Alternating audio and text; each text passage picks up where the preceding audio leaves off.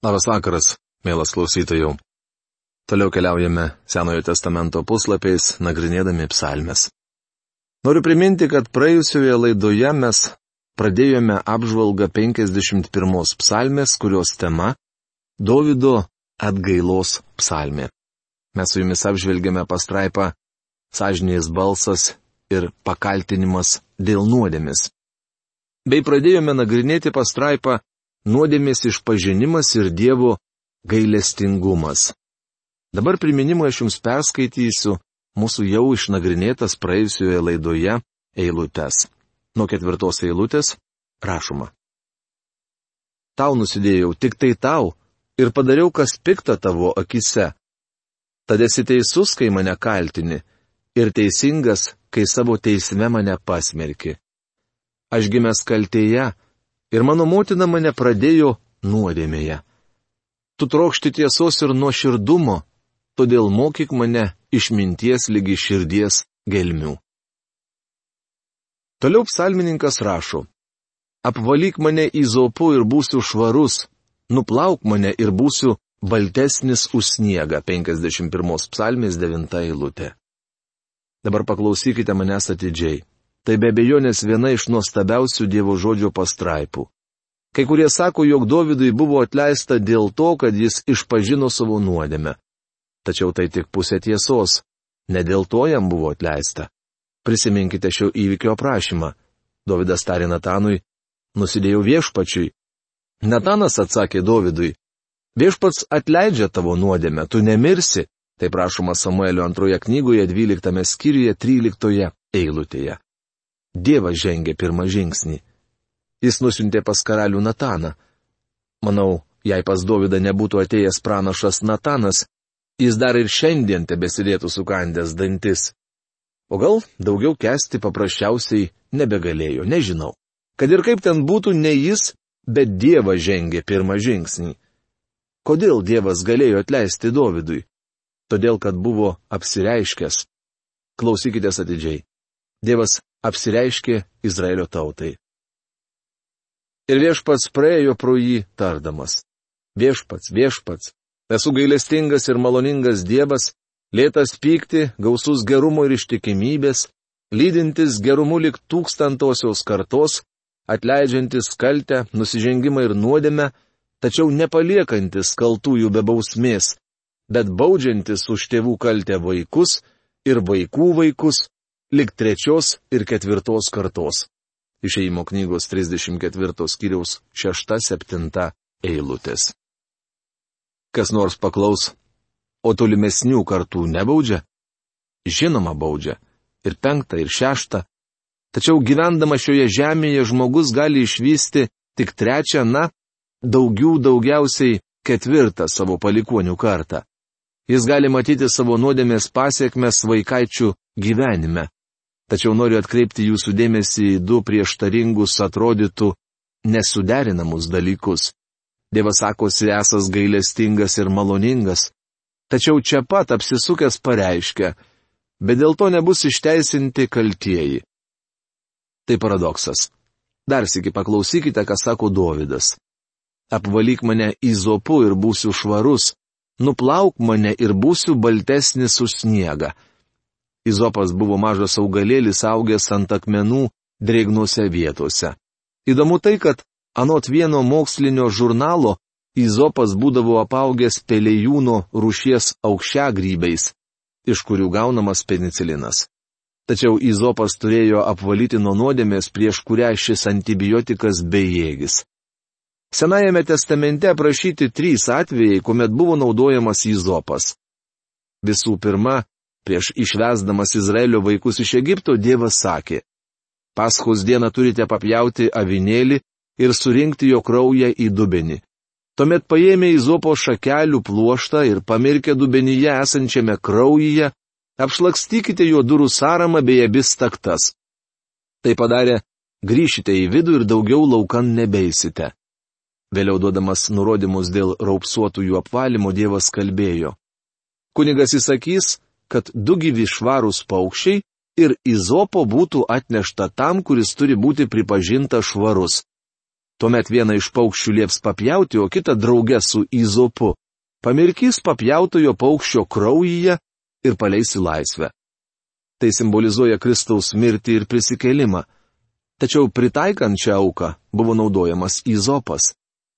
Trečiasis įzopo panaudojimo atvejis susijęs su izraelitų klajonėmis dykuma.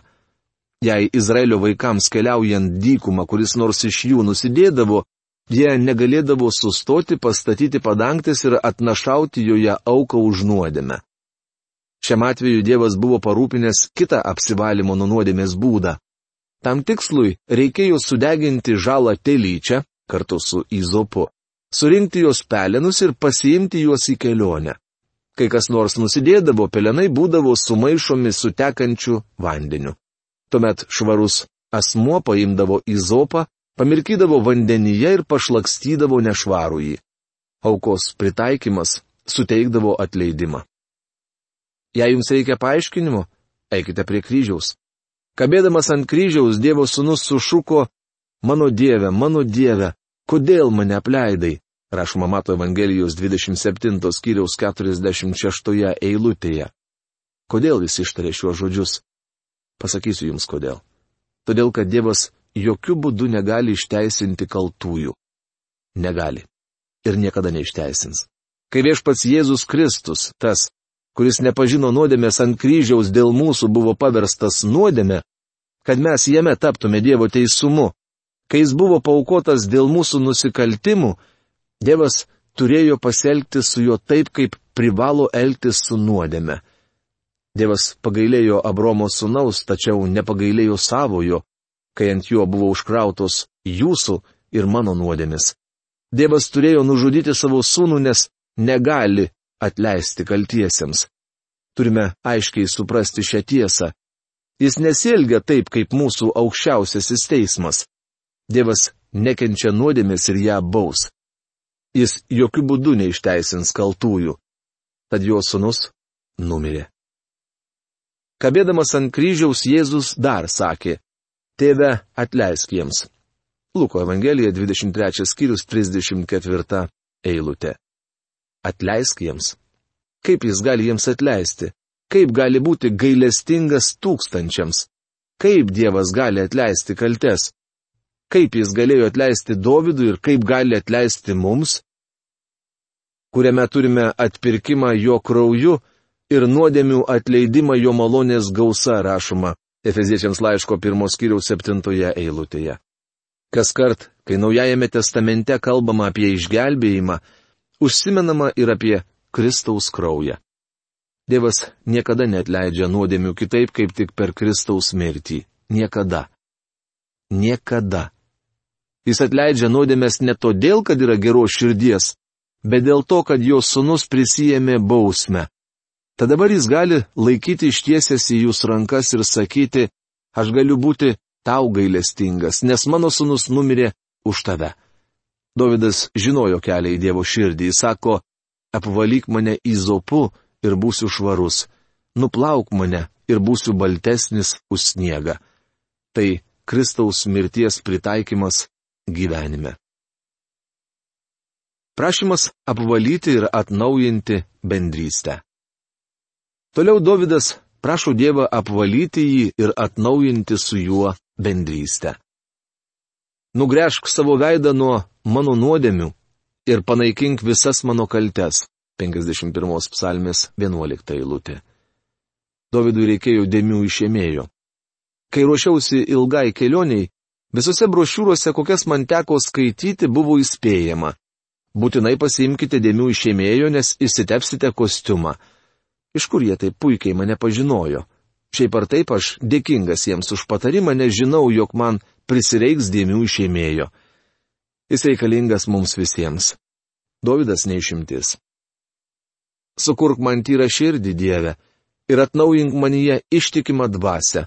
51 psalmės 12 eilutė. Vertinys sukurk originalo kalboje yra tas pats žodis, kurį sutinkame pradžios knygos pirmos skyriaus pirmoje eilutėje. Pradžioje Dievas sukūrė dangų ir žemę, bara reiškia sukurti iš nieko. Dovydas sakė, man reikia naujos širdies. sukurk man tyrą širdį iš nieko. Kitaip tariant, Davido širdyje nebuvo nieko, ką Dievas būtų galėjęs panaudoti. Davidas neprašė, kad Dievas jį renovuotų ar reformuotų. Jis meldė kažko naujo. Kartais mes girdime raginimą - atiduokite Dievui savo širdį. Leiskite paklausti, kuo jūsų sena, purvina ir bjauri širdis gali pasitarnauti Dievui. Jam jos nereikia. Dievas ne vieno neprašo atiduoti jam savo širdį, jis nori duoti jums naują širdį. Štai ko trokšta Dievas. Davidas prašo sukurk man naują širdį. Mes esame jo kūrinys sutverti Kristuje Jėzuje geriems darbams, kuriuos Dievas iš anksto paskyrė mums atlikti, rašoma Efeziečiams laiško antros skyriaus dešimtoje eilutėje. Taigi, kas yra Kristuje, tas yra naujas kūrinys. Kas buvo sena praėjo, štai atsirado nauja, rašoma antrame laiške korintiečiams penktame skyriuje, septynioliktoje eilutėje. Te suteikia jums Dievas naują širdį. Davidas turi dar vieną prašymą. Nevaryk manęs nuo savo artumo, nenuimk nuo manęs savo dvasios šventos, 51 psalmės 13 eilutė. Dievo dvasia buvo ant karaliaus Davido, kad jis galėtų būti Dievo vyras. Beje, šią maldą netinka melstis nūdienos krikščionims, nes jei jumise gyvena Dievo dvasia, ji niekuomet jūsų nepaliks. Jūs galite ją nuliūdinti arba prislopinti, tačiau niekada nenuliūdinsit ir neprislopinsit jos tiek, kad jį jūs paliktų. Mums sakoma, ir neliūdinkite šventosios Dievo dvasios, kurią esate paženklinti atpirkimo dienai, rašoma Efeziečiams laiško ketvirtos kiriaus 30 eilutėje. Taigi joks Dievo vaikas negali prarasti Dievo dvasios, tačiau ji gali būti neveikli krikščionio gyvenime. Tai buvo nutikę Dovydui. Kralius prašo, kad Dievo dvasia vėl veiktų jo gyvenime. Tuomet sako.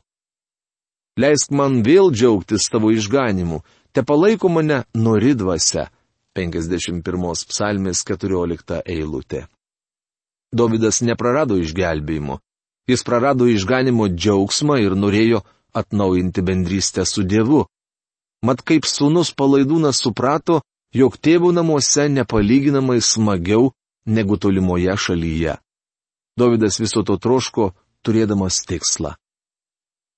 Mokysiu nedorilius tavo kelių ir nusidėjėliai sugrįž pas tave, viešpatie praverk mano lūpas ir mano burna skelbs tavo šlovę, 51 psalmės 15 ir 17 eilutės.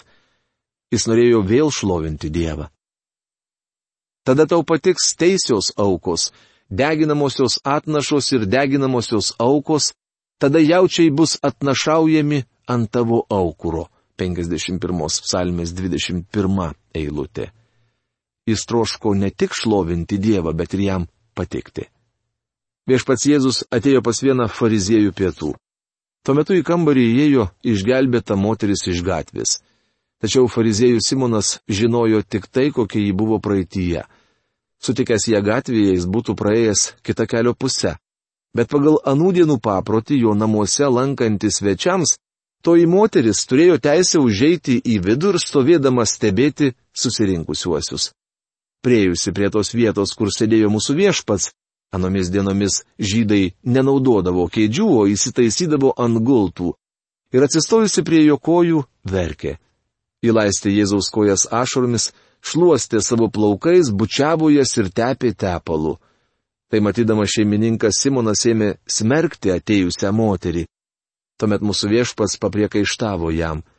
Nors aš atėjau į tavo namus, tu nedavėjai man vandens kojoms nusimazgoti, net neparodėjai man deramo svetingumo, o ši moteris nesiliauja ašromis plovusi man kojų. Jai atleista, tau ne, rašoma Luko Evangelijos 7 skyriaus 44 eilutėje. Tai mano parafrazė.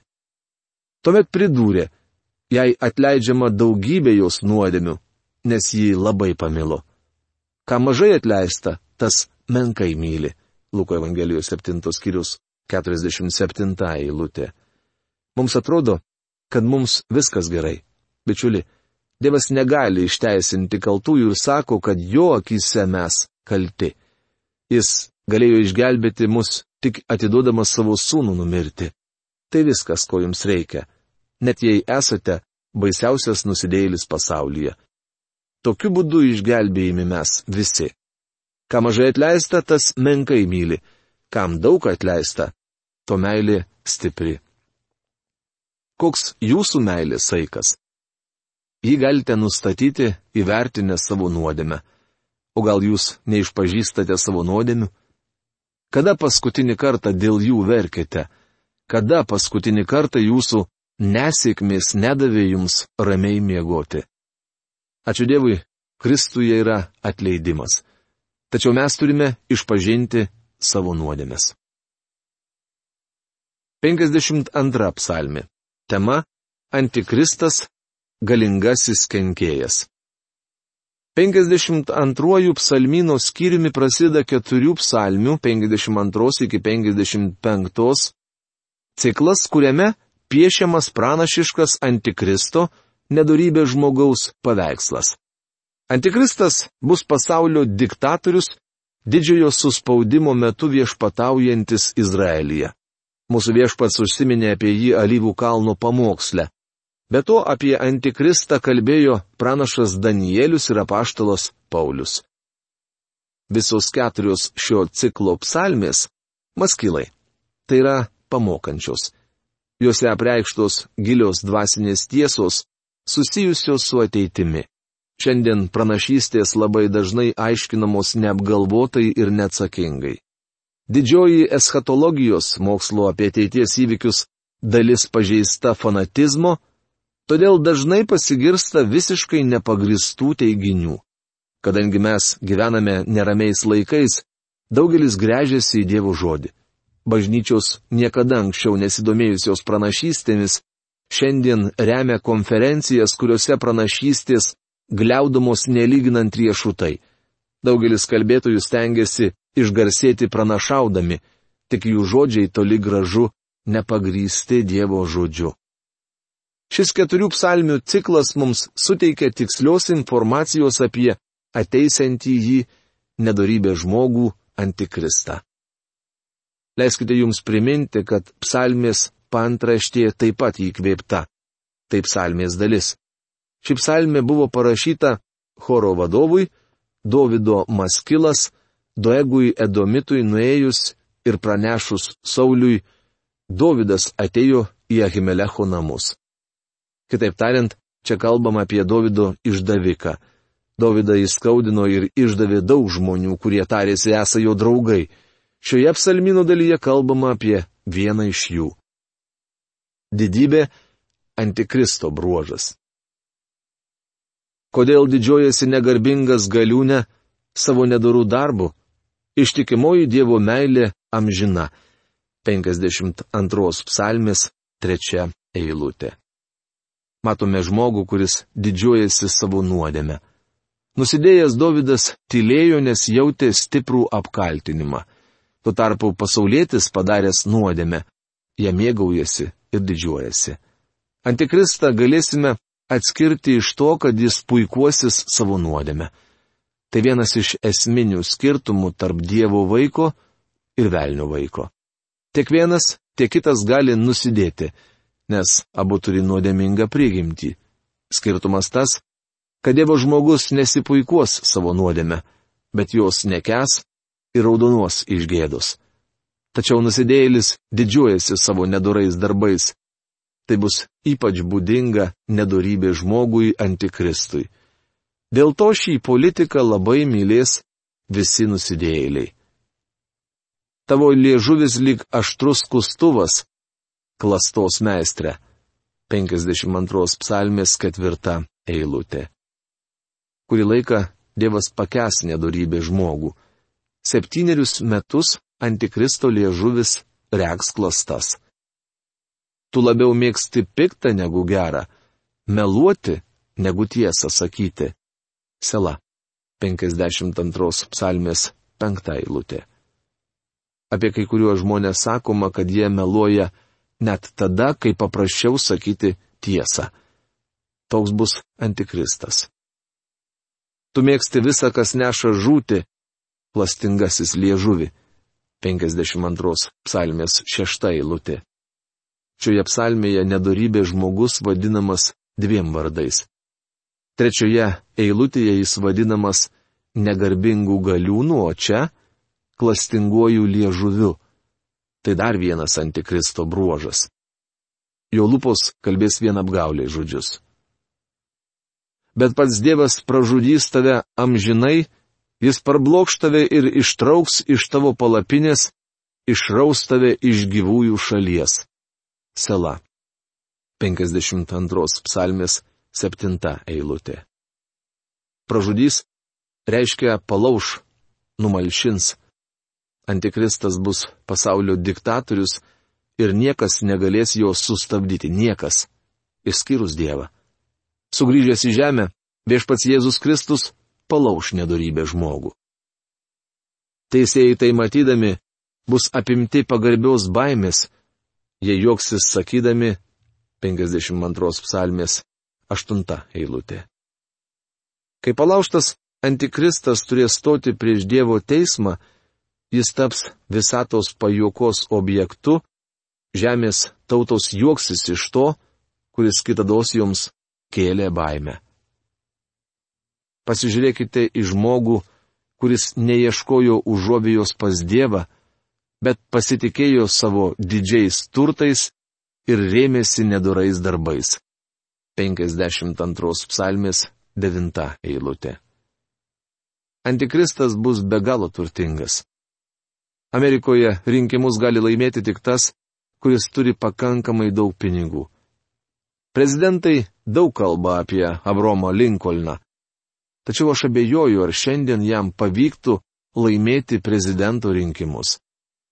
Antikristas nesunkiai pasieks politikos aukštumas, nes bus labai turtingas. Matydamas tai, Dievo vaikas galės pasakyti. Bet aš esu lyg vešlus alyvmedis, augantis Dievo namuose. Aš pasitikiu ištikimąją Dievo meilę per amžių amžius. Dėkosiu tau amžinai už visą, ką tu padarėjai. Ištikimųjų akivaizdoje skelbsiu tavo vardą, nes jis geras. 52 psalmės 10-11 eilutės.